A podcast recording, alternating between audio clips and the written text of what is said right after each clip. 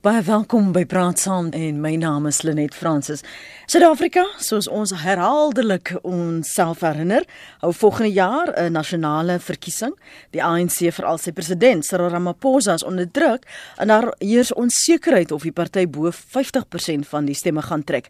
Intussen voel die FSA se president, Donald Trump, ook die druk nadat sy jarelange regsverteenwoordiger en bondgenoot Michael Cohen in New York skuld erken het op verskeie aanklagte van bedrog en die oortreding van wetgewing wat verband hou met politieke veldtogte. Hy het erken dat hy omkoopgeld aan twee vroue betaal het wat beweer het dat hulle verhoudings met Trump gehad het. So met daardie agtergrond bespreek ons vanoggend die politiek van afleiding. As politici onder druk is, wat is hulle bereid om te doen om die aandag van hulle af te trek? Nou ek is seker jy het al die politiek so goed gelees dat jy vanoggend sal kan praat met my gaste. Theo Venter is politieke ontleder verbonde aan Noordwes Universiteit se Sakeskool. Goeiemôre Theo. Goeiemôre. En ons gesels ook met Max de Pre, joernalis en politieke kommentator. Môre Max. Goeiemôre Lenet. Ons het met die verkiesing van Cyril Ramaphosa uh, as president van die ANC herhaaldelik ook oor die afgelope paar maande gehoor Theo Max dat hy beleggings na Suid-Afrika wil lok. Ons het gesien hoe die geld wel um, ingekom het, maar in die agtergrond hang daar hierdie swaard van Marikana, Jacob Zuma oor sy kop. Het hy Theo die ekonomie gebruik as aas om ons aandag af te trek van al die probleme veral die interne verdeeldheid binne die ANC? Wel, wel net ek dink as ons net na Ramaphosa kyk, dan moet ons onthou dat hy ehm um, dat hy 'n baie diverse ehm um, groep mense waarmee hy moet praat. Hy hy het sy eie ondersteuners, hy het sy vyande in die party. Ehm um, hy het sy vyande buite die party, hy het sy ondersteuners buite die party sowel as binne die party. So dit is 'n baie diverse groep en ek dink wat politici doen dikwels. Ehm um, hulle probeer met verskillende ehm um, kom ons praat van constituencies, verskillende uh, ondersteuningsgroepe op verskillende plekke verskillende boodskappe uit te stuur. En as dit nou 'n maklike wêreld was, dan kon jy nou een groep ondersteuners in 'n kamer toesluit en daar moet hulle praat en dan met die volgende groep. Maar die wêreld werk ongelukkig nie so in in in die era van sosiale media en die internet en die koerante en alles. So wat jy op een plek sê, word ook op ander plekke gehoor. Ek dink dis politici se grootste frustrasie dat hulle hierdie boodskappe nie kan uh ek wil amper sê isoleer vir die groepe wat dit moet hoor nie. Daarom beleef mense dit wels hierdie soort ding soos wat jy in jou inleiding gesê het met Trump mm. wat oor Suid-Afrika getweet het mm -hmm. terwyl hy in die moeilikheid is oor ander goed.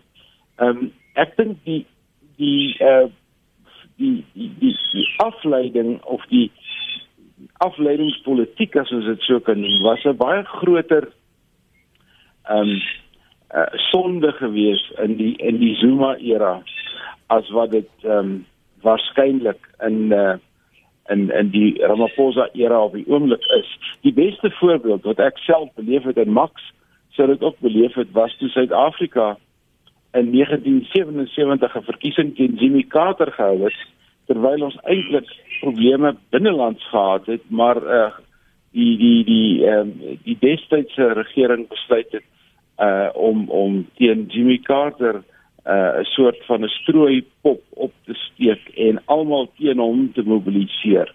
Dan dan dan werk dit. Hmm. Ek ek weet nie of of Ramaphosa dit so effektief doen nie want ek dink hy's 'n ander soort leier en hy's 'n ander soort ehm um, politikus maar dat die maar dat die ANC van tyd tot tyd ehm um, wel ander temas identifiseer ehm um, dit is wel waar.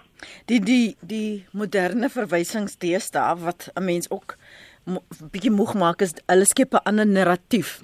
Eintlik is dit maar net 'n ander punt om oor te praat. Maar eh, Max, kom ons voor ons by Zuma kom. Kom ons kyk dan vanaf 77 van die politici en die presidente wat ons tot dusver gehad het. Wie het dit goed gespeel in aanhalingstekens daardie afleidingspolitiek. Um, ek sien in 'n artikel in die New York Times praat hulle van die shiny object. Ons ons kil jou gewoon na dat die kant toe dat jy, jy die ja. kant kyk en nie sien wat ons hier doen nie. Ja, ja, ek dink jy is, is goed onthou om uh, 1977 en die Carter TV bote in Carter te onthou. Uh, ouer ouer luisteraars sal onthou die geval van ambassadeur John McHenry wat die Amerikaanse ambassadeur was en tot bote en TV het om 'n uh, antjie somers gemaak. Ek dink ons moet ook eerlik wees en sê die rooi gevaar was in 'n stadium, skielik ook 'n afleidingsstrategie want die intelligensiedienste het vir TV bote en Magnus Malan gesê die kans dat Rusland ooit Suid-Afrika sou binneval is byna nul. En hulle het hulle les geleer in in in skole. Dit is net te ver, is net te duur en dit werk nie en tog die rooi gevaar die die gevaar van kommuniste kommunisme ehm um, is gebruik in die nasionale party regering amper tot in 1989. So dit was dit was maar die hele verskynsel van afleidingsstrategie ehm um, sien ons baie duideliker gedefinieer in die hele gebruik van afleidingsoorloë. En hier is nou een geval, 'n klare geval wat luisteraars sou onthou. En dit is die die uh, Argentynse regering se inval in die Falklandeilande in 1982. Daar was geen rede, direkte rede daarvoor nie. En uh, as ons terugkyk, dan is dit baie duidelik dat die militêre regering van Argentinië uh eintlik die aand aandrap die aandag wil aflei van hulle eie ekonomiese probleme en hulle menseregte vergrype. Ehm uh, maar ja, ek dink ons moet maar dan kom ehm uh, by die kampioen van hierdie saak en dit is uh, Jacob Zuma. Ehm um, en sy argitek uh, vir hierdie sy sy hoofbeplanner vir hierdie aanslag was Bill Passenger. Mm. To to uh to duidelik word dat uh, Jacob Zuma ehm um, die staat lê in 'n ekonomiese krisis en ek is nou net met 'n Wêreldbank verslag hier wat sê ons het goeie vordering gemaak met die versagting van armoede sedert 94 maar dit is heeltemal gestuit sedert 2011. En en die staatskap en die goed als die lappe kom en korrupsie. Toe kom Bel Pottinger en met die, met die tipiese afleidingsstrategie en kom met radikale ekonomiese transformasies, wit monopolie kapitaal en uh onteiening sonder vergoeding. En dit was hoogs suksesvol want die hele land het skielik daaroor begin praat. En daaroor het ons mekaar uh begin beklei pleks van om te kyk na staatskap en korrupsie en armoede en selfverryking en nepotisme. Mm. Kom ons ek ek wil hê ons moet ons gaan nou tussen die twee harps gaan tussen plaaslike politiek en internasionale politiek ook hardloop. Uh, Tio, jy sal onthou ons het wat was meer as 'n dekade gelede almal gesoek vir weapons of mass destruction. En die die politiek en die dilemma's wat daar uitgespruit het. Um en hoe weet jy jy nog nie julle twee nie, maar hoe weet jy as 'n kieserskorps as burgery wat is die waarheid en wanneer word is dit oorverblindery? Ja, ek dink dat dit is ook 'n baie goeie voorbeeld um van van hoe dit gebruik word en 'n mens moet dan iets daaraan koppel en dit is nie alleen dat dit 'n afleidingsstrategie is nie, maar dit is baie keer ook 'n regverdigingsstrategie. Um die twee die twee prosesse loop baie naby aan mekaar en um, ons weet nou dat sekere gebeure in uh, in in die in die FSA veral die aanval op op die Twin Towers uh, het die Amerikaners baie kwaad gehad. Die Amerikaanse bevolking was om waarheid te sê uitgetel op hulle voete.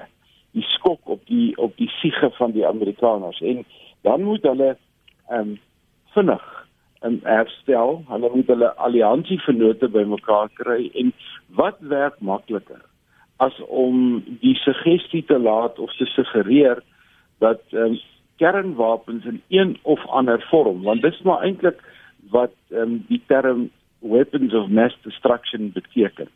Wapens van massavernietiging is maar eintlik 'n alternatief vir kernwapens in een of ander vorm en daar was altyd die die verwagting dat Saddam Hussein um, hieroor um, sou beskik maar weer eens soos wat Max uitgewys het die intelligensiedienste het geweet daar is waarskynlik nie veel nie want ehm um, sy vermoë om om wapens te kan aflewer ehm um, sogenaamde delivery platforms ehm um, as jy as jy kernwapens het is dit een ding maar as jy hulle nie kan gebruik nie as jy met ander woorde nie kan skiet nie of as jy hulle nie vorm van bomme kan gooi nie of wat ook al is dit 'n totaal ander ding. In Suid-Afrika as wat dit aanbetref natuurlik deel van hierdie speletjie alhoewel ons ehm um, later van tyd erken het dat ons ehm um, 5 of 6 van hierdie ehm um, toestelle gehad het was ons vermoë om hulle te gebruik baie baie dun en baie skraal en eintlik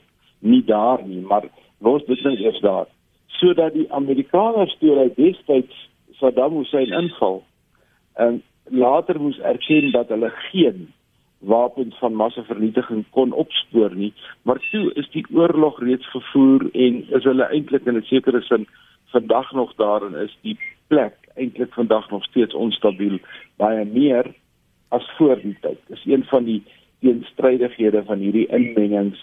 Ehm um, jy kry ehm um, onlangs ehm um, ook dieselfde soort verskynsel wat in Rusland plaasgevind het. Ek dink die inval van die Krimoorlog en die gebruik daarvan deur deur Rusland, ehm um, dink ek moet 'n mens ook in hierdie in hierdie proses speel. 'n Mens annekseer nie meer lande nie. Dis 'n ou koloniale trik. Wat die Russe kry dit nog reg en kom daarmee weg omdat hulle ander um, faktore um, voorhou as die uh, um, as die as die werklike gebeure.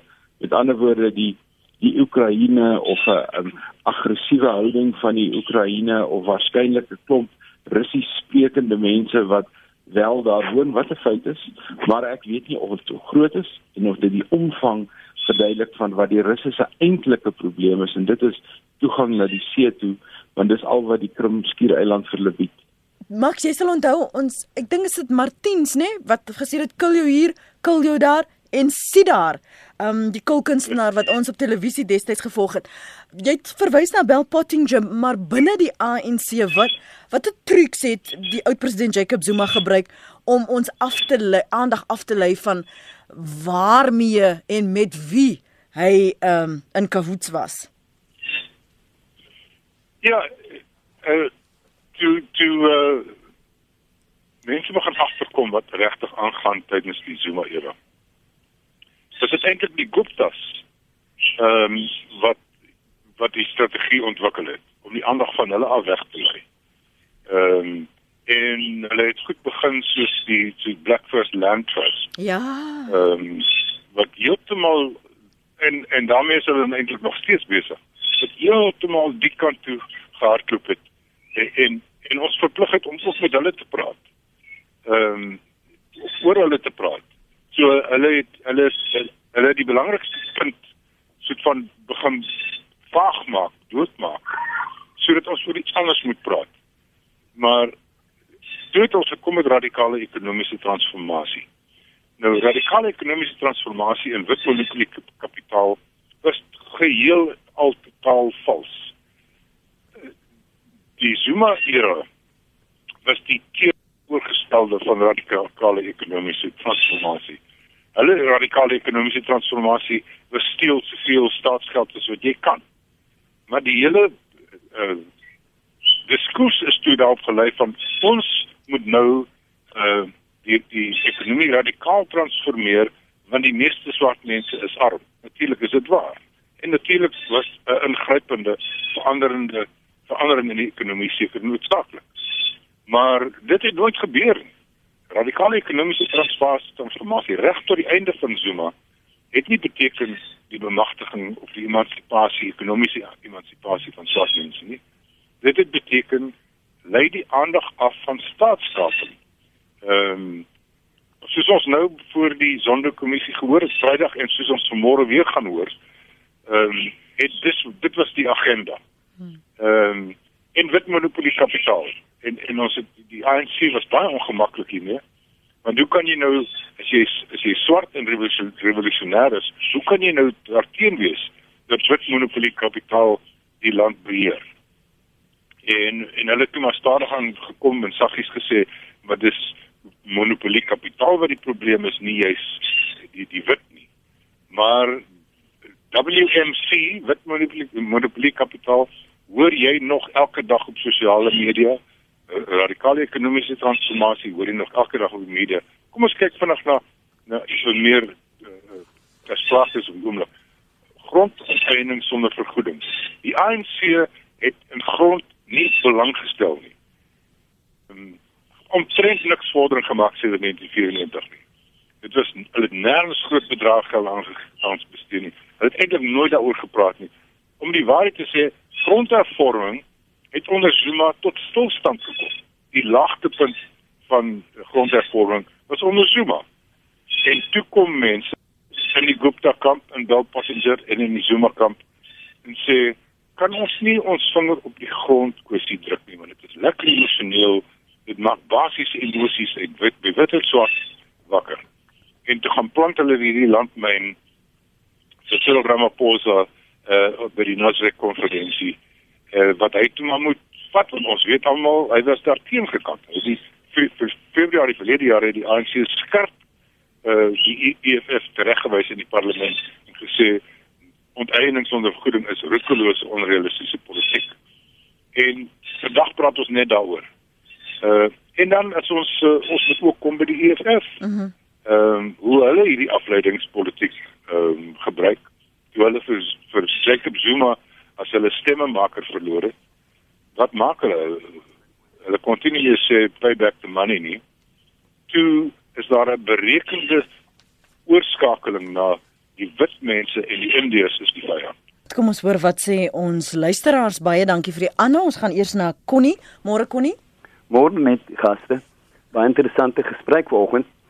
Uh die gaste is seker bekend met die uh boek van uh, Ray Hartley, The Man Who Would Be King wat wat hy oor uh, president Ramaphosa geskryf het net voor sy uh, verkiesing as president. Uh ek haal aan daarby sê die punt wat wel deeglik beklemtoon word is dat Ramaphosa doen waaraan hy as politikus gewoond is en dit is sy hoogspanning balanseer toertjies.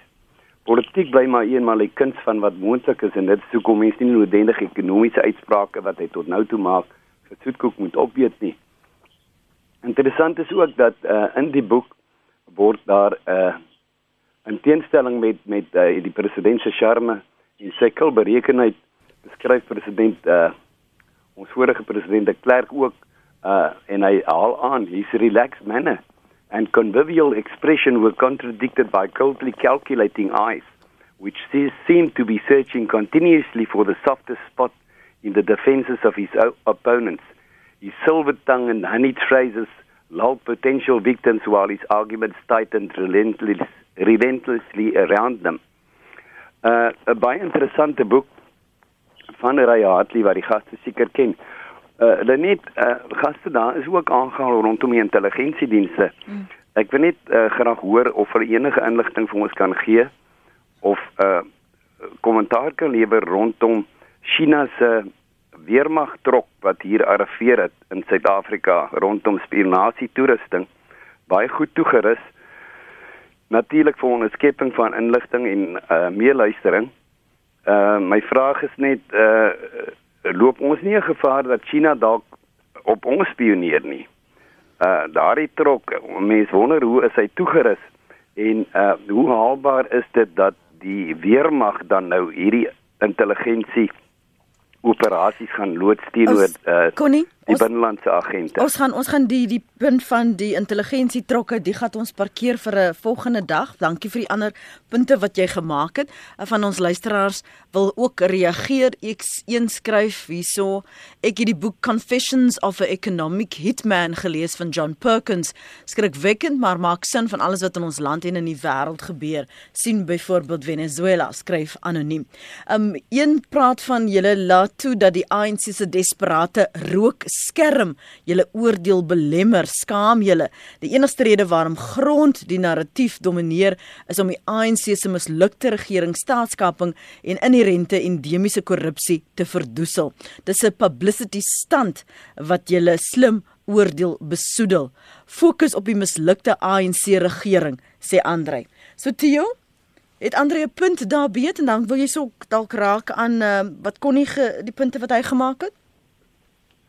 Ja, kyk, dit is wat ons vroeër gesê het, ehm um, um, die die die president minder Ramaphosa, maar die ANC meer het 'n hele paar ehm um, beleidsmislukkings gehad wat ehm um, op verskillende maniere natuurlik gehanteer word. En een beleidsmislukking wat ons na kyk uh, en wat nog besig is om voor ons oë af te speel is natuurlik die hele kwessie van 'n nasionale uh, gesondheidsplan wat op hierdie stadium lyk na iets wat een die land nie kan bekostig nie en twee met al die pogings wat Aaron Motsoaledi doen ehm um, as mens na individuele ehm um, ehm um, klinieke gaan kyk en wat aangaan veral in die platte land dan dan ehm um, is dit nie 'n baie goeie platform om vanaf te werk vir 'n groot nasionale gesondheidsskema nie. En dit word op verskillende maniere gehanteer.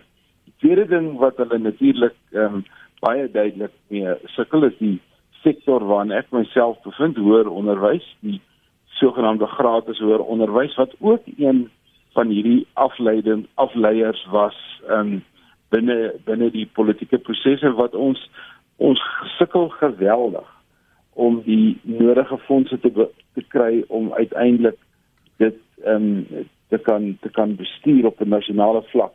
Maar saam met hierdie gesprekke en dit is waar waar by Connie aansluit is ons moet onthou as jy met afleidingsstrategieë besig is, dan het jy twee of drie goeders is deel van daai resep.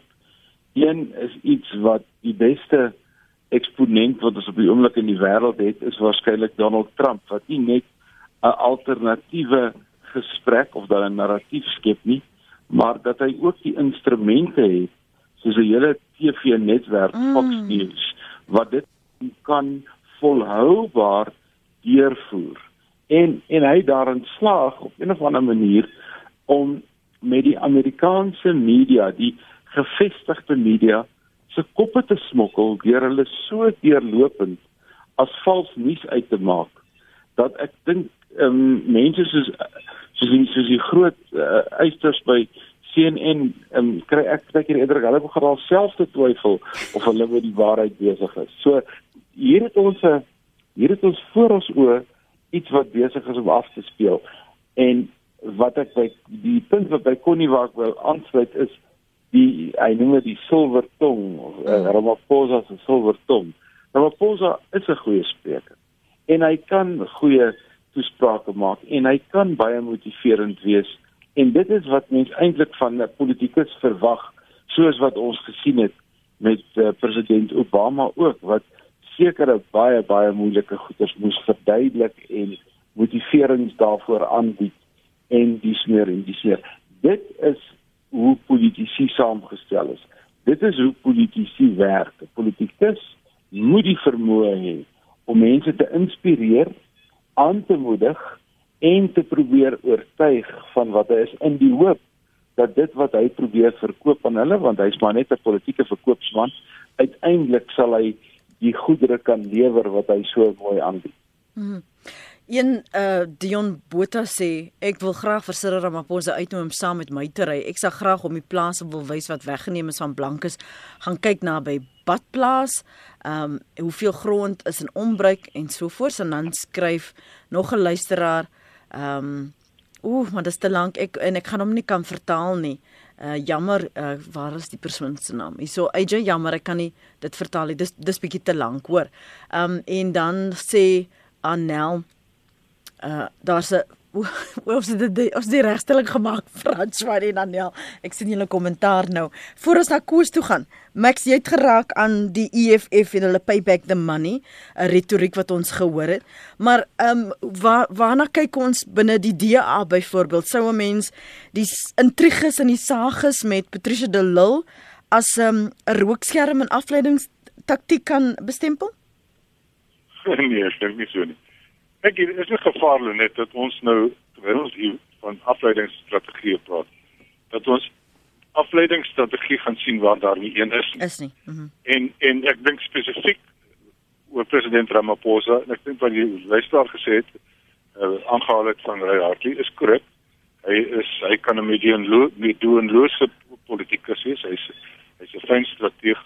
Maar wanneer hy die ekonomie ehm uh, die hooftema maak, dan is hy dan is hy, na, na my mening is hy ernstig. Hy verstaan die ekonomie en hy verstaan een ding dat hoe armer mense word, hoe groot hoe groter is sy kanse is die kanse dat sy party gaan verloor en dat hy dat sy eie politieke loopbaan gaan eindig.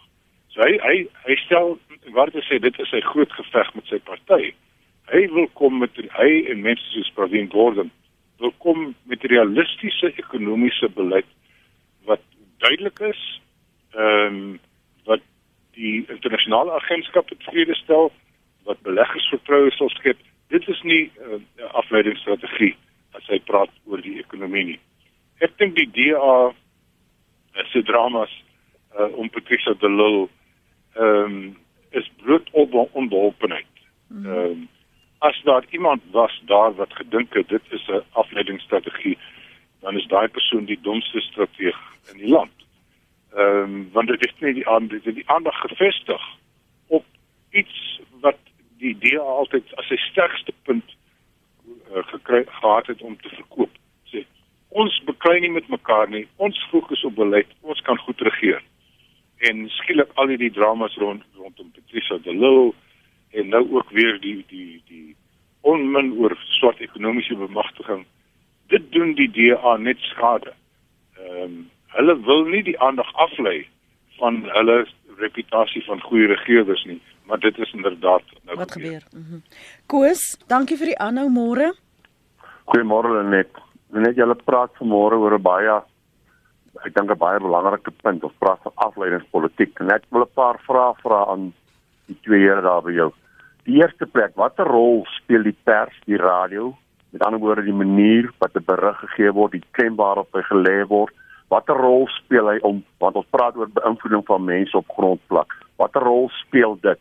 Daai sentimente van die radio, die sentimente van daardie koerant, watter rol speel hy by die denke van die normale persoon op grondvlak? En dan die tweede ene, selfs die politieke die rol van politieke ontleeders. Waar waar lê waar lê hulle sien politieke sentimente lê? Watter invloed het dit op hulle objektiviteit? Met ander woorde, vir wie hy persoonlik stem, mm -hmm. waar hy persoonlik sy sy tuis, sy, sy politieke tuiste vind by watter party. En en ek kan amper vir jou sê ek kan 'n voorbeeld gee van 'n politieke ontleder, ek moet sy naam noem nie, wat op 'n landboukongres of eintlik 'n rooivleiskongres goed gesê het wat boere bitter graag wil hoor. En dit was vir my so belangrik wat hy gesê het dat ek toe hy uitgaan toe gaan ek saam met hom by toe sê ek vir hom luister dit wat jy daarom nou hier vandag gesê het is so belangrik dat die ANC regering ook die feitelikhede moet hoor sê dit by hulle ook wat hy praat by hulle. Sy antwoord aan my was gewees dink jy ek gaan vir Gwedi Montashe goed sê wat hy nie wil hoor nie? Met ander woorde ek wil die stelling maak dat politieke ontleeders en die koerante sê partykeer goed wat hulle mense wil hê moet wat hulle wil hê die mense moet hoor. En dan weerspieël ons kommentaar die werklikheid van wat aan die gang is buitekant die realiteit. En nou wil ek nou na Max toe kom en hom sê een ding wat ek van hom kan sê in die vorige bedeling was hy krities geweest oor die regering en selfs in die huidige bedeling is hy ook krities waar dit moet krities wees ek ek is net bekommerd dat ons dat ons nie eerlik is met baie keer met ons standpunte nie en dat sekere organisasies ook standpunte inneem ter wille van wat die regering gaan pas. Die beleid wat die regering het, neem ons in. Ons is nie bereid om op te staan teen die regering nie. En ek dink die kwessie van grondomeining wat nou tans aan die gang is, die verskillende standpunte wat daar is, jou Agri SA standpunt, jou TLI standpunt, jou uh 'n standpunt van jou uh uh, uh Afriforum, dis daar's botsende goed. Nou wat is die waarheid tussen hierdie klomp goed? of is ons besig om 'n spel te speel ter wille van 'n regering wat dit sê en ons laat ons stadig maar seker spreekwoordelike parra in die warm water wat ons maar doodbrand in die water is ons daarmee besig. Watter rol speel al hierdie mense wat ek nou genoem het die pers die politieke kommentator om ons maar stadig sag te maak vir dit wat werklikheid op pad is? Weet ons waarheen is ons werklik op pad op die huidige oomblik in Suid-Afrika? As ons kyk na al die chaos wat daar is as ons kyk na die ekonomiese prestasie wat daar is en tog gaan ons net eenvoudig met een stroom voort. Dis my vraag, want ek kom nou uit Afrika uit en ek gaan vir jou sê, die die die kommentaar van baie van die mense wat gepraat Afrika is bekommerd oor wat in Suid-Afrika aan die gang is. Hulle is werklik waar bekommerd. En my vraag is watter rol speel ons met afleidingspolitiek om hierdie mense ook te beïnvloed dat ons half en half nou maar saam met hierdie stroom gaan en teen die einde wanneer ons wakker word dan is dit te laat. Ek sal graag 'n kommentaar wil hoor. Dankie Koos. So kom ons praat oor sosiale media veral en hoe dit deesdae ingespan word, nie net as afleidingstat 'n taktik nie, maar om die boodskap in 'n verkiesingsveldtog te versprei of aan kandidate. Um hier plaaslik internasionaal. Kom ons praat oor dan die geskrewe gedrukte media, um uitsaai media. Eh, Jy het al te doen gehad met almal als al daardie uh, verskillende kanale en dan kom ons by julle politieke onleerders in die algemeen. Kom ons by julle maar ons hou maar dit is as as sub vragie. Laat ons eers praat oor politiek, die ekskuus die sosiale media en media en dan gaan ons dit as 'n nog 'n kategorie praat oor politieke onleerders of of dan die sogenaamde influencers, nê? Mense wat podiums en platforms het om die denkrigtings van enige persoon te beïnvloed. En ek dink dit was jy Theo wat gepraat het van jy moet praat met jou constituency, met jou ja. mark, met jou groep. So laat ek eers gou vir, vir Max geleentheid gee.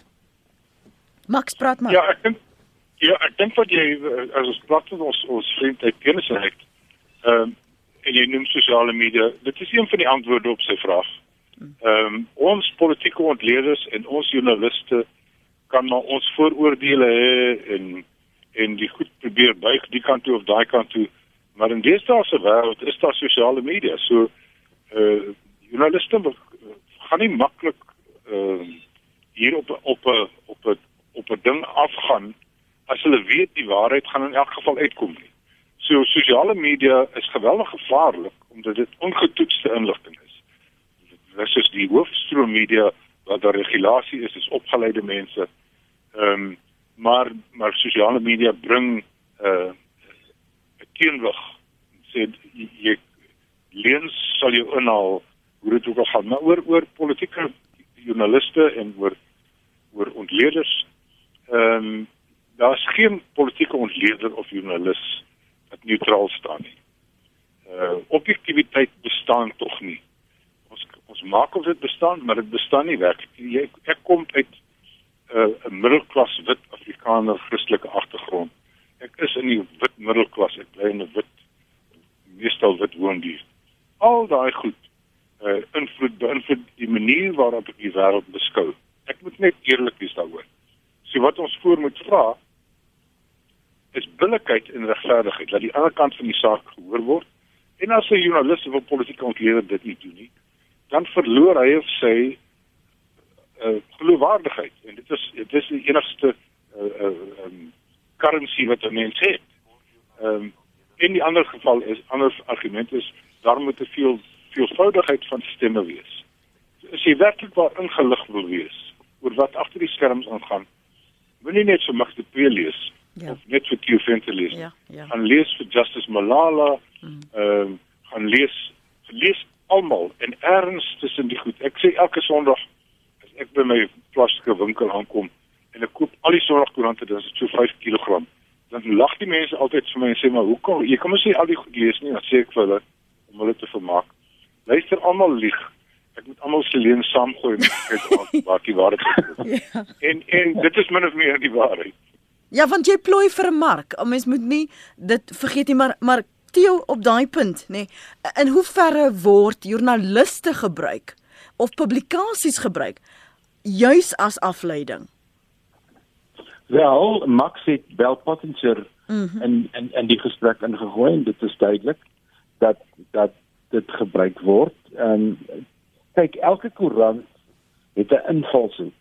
Met ander woorde, hy het 'n manier hoe hy na dinge kyk. En elke TV-stasie, elke selfs skus selfs elke ehm um, ontleder en um, het 'n invalshoek. Maak se dit baie mooi gaan presiseer hoe jy poog om 'n gebalanseerde ehm um, beeld te skep, maar maar jy jy's 'n slagoffer van jou tyd. Jy's 'n slagoffer van jou opleiding, jy's 'n slagoffer van 'n klomp goed wat in jou in jou ingebou is en ek kan nie met hom meer saamstem dat die die die diversiteit van stemme is eintlik wat vir jou wat die luisteraar moet in staat stel om 'n om 'n prentjie te vorm. Een van ons TV-kanale wat nou tragies toegemaak het um, 'n uh, uh, uh, week of twee gelede. Ehm um, was was vir ons 'n praktiese voorbeeld hier in Suid-Afrika oor hoe om dit nie te doen nie. Ehm um, as 'n mens byvoorbeeld ehm um, veral ons wat wyd probeer lees, luister en kyk, moet kyk kyk hoe hulle ehm um, uh ontledingsspanne saamgestel het.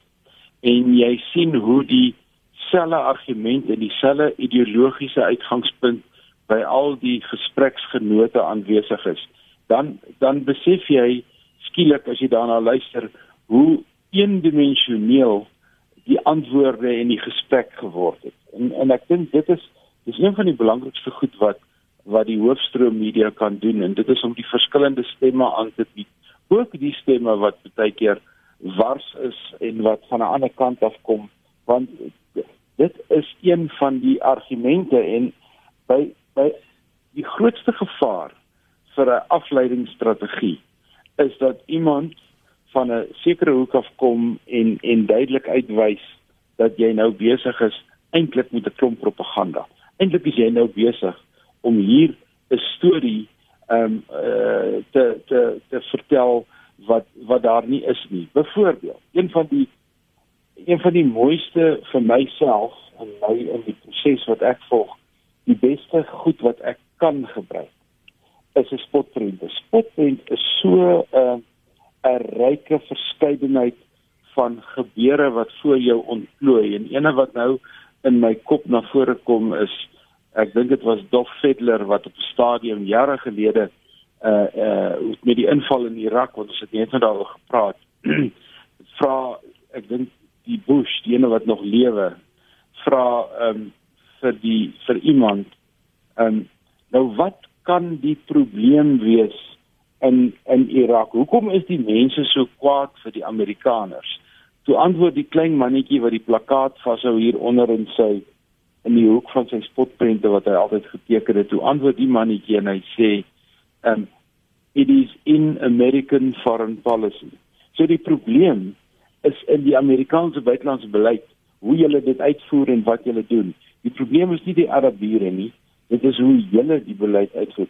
Daar lê 'n verskriklike groot stuk waarheid. En dis hoekom in in ek behalwe vir die sosiale media wat 'n wat 'n alternatief bied wat 'n ongefiltreerde mening gee en Max is reg, is gevaarlik, maar dis ook 'n uh, 'n uh, teenkant, 'n teenpool. Mm. En dink ek spotmense is iets wat 'n mens met baie groot vrug kan gebruik om deur hierdie uh amper fake news proses te kan beweeg.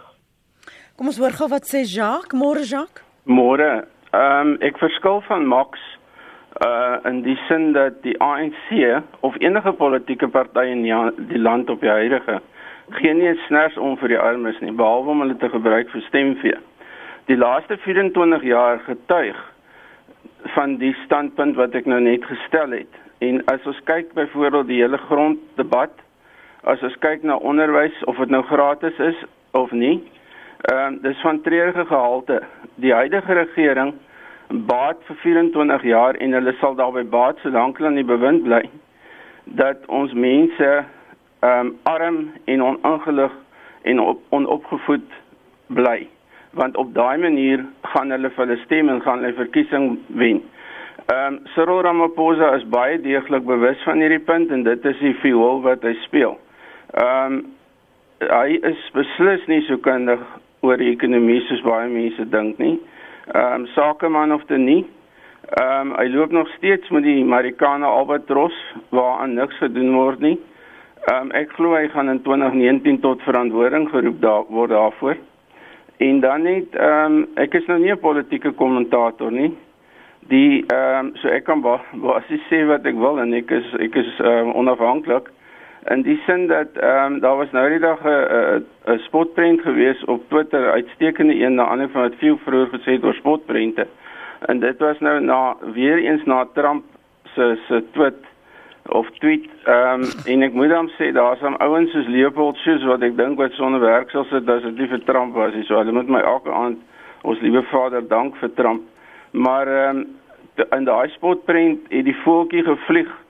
Ehm um, en hy het oor uh Suid-Afrika gevlieg in in die ANC. Ehm um, en hy het so 'n lekker blerts daar gelos om nou te wys wat hy dink van die storie. So ons moet maar bietjie gaan kyk daarna en daarna herkou. Ehm um, ek glo daar wag vir ons 'n uh, groot verrassing in 2019. Goed, baie dankie vir jou insette daar. Kom ons gee ons gaste geleentheid om te reageer, maar ek wil vir julle tog vra oor die posisionering dan. Wanneer te jou as jy as die onskuldige party geteken word, iemand het nou besluit ons gaan die aandag daarop vestig want uh, dit gaan die hitte van ons ten minste verwyder. En waar laat dit die publiek wat nie kan hondhaar afmaak van wat is wat moet ek glo nie of word ek aan die neus gelei nie? En ek weet Max jy het gesê 'n mens moet weier lees en nie net jou uh, aandag vestig op een skrywer of een politieke ontleder nie. Maar is ons burgery kiesers braaf genoeg om alles as hulle eie uh wat sou mense dit noem you don't preach to the converted hulle eie geloofspraatjies na te luister? Kyk die die ja. suksesvolste propaganda masjiene wat ons geken het in die laaste 100 jaar was waarskynlik die die nazisme.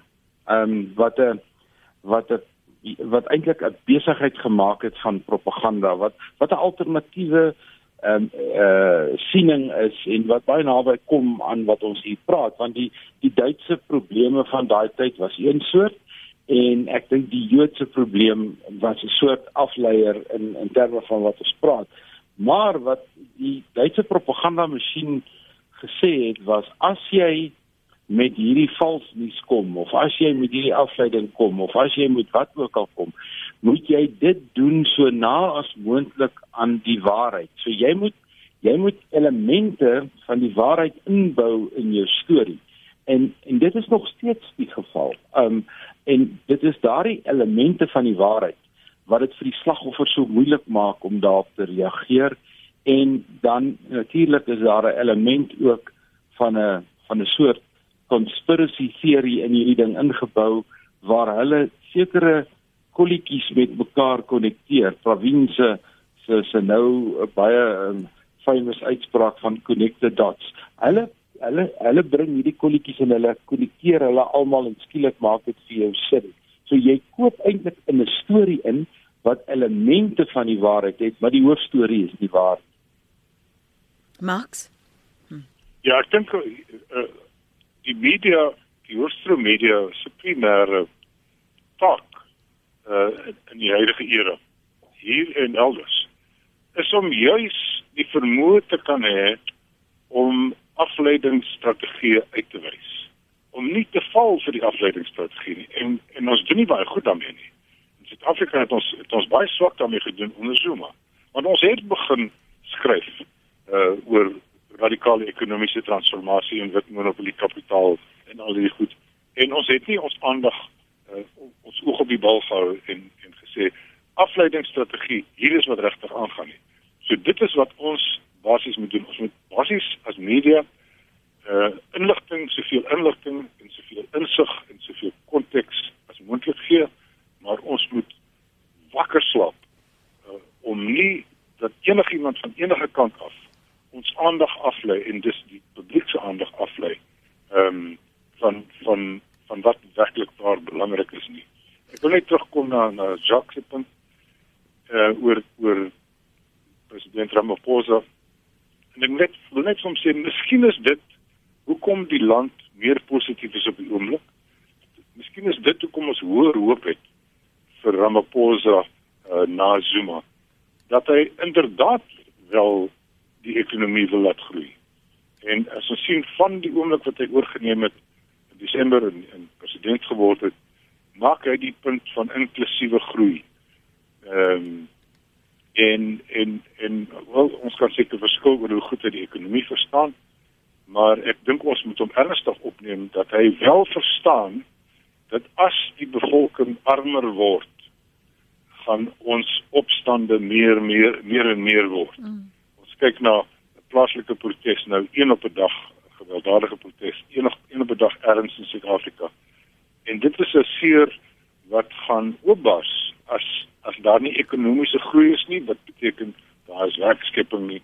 Ehm um, en ek dink ons moet die president dalk die voordeel van die twyfel gee dat hy ernstig is om ons ekonomie uh, reg te ry.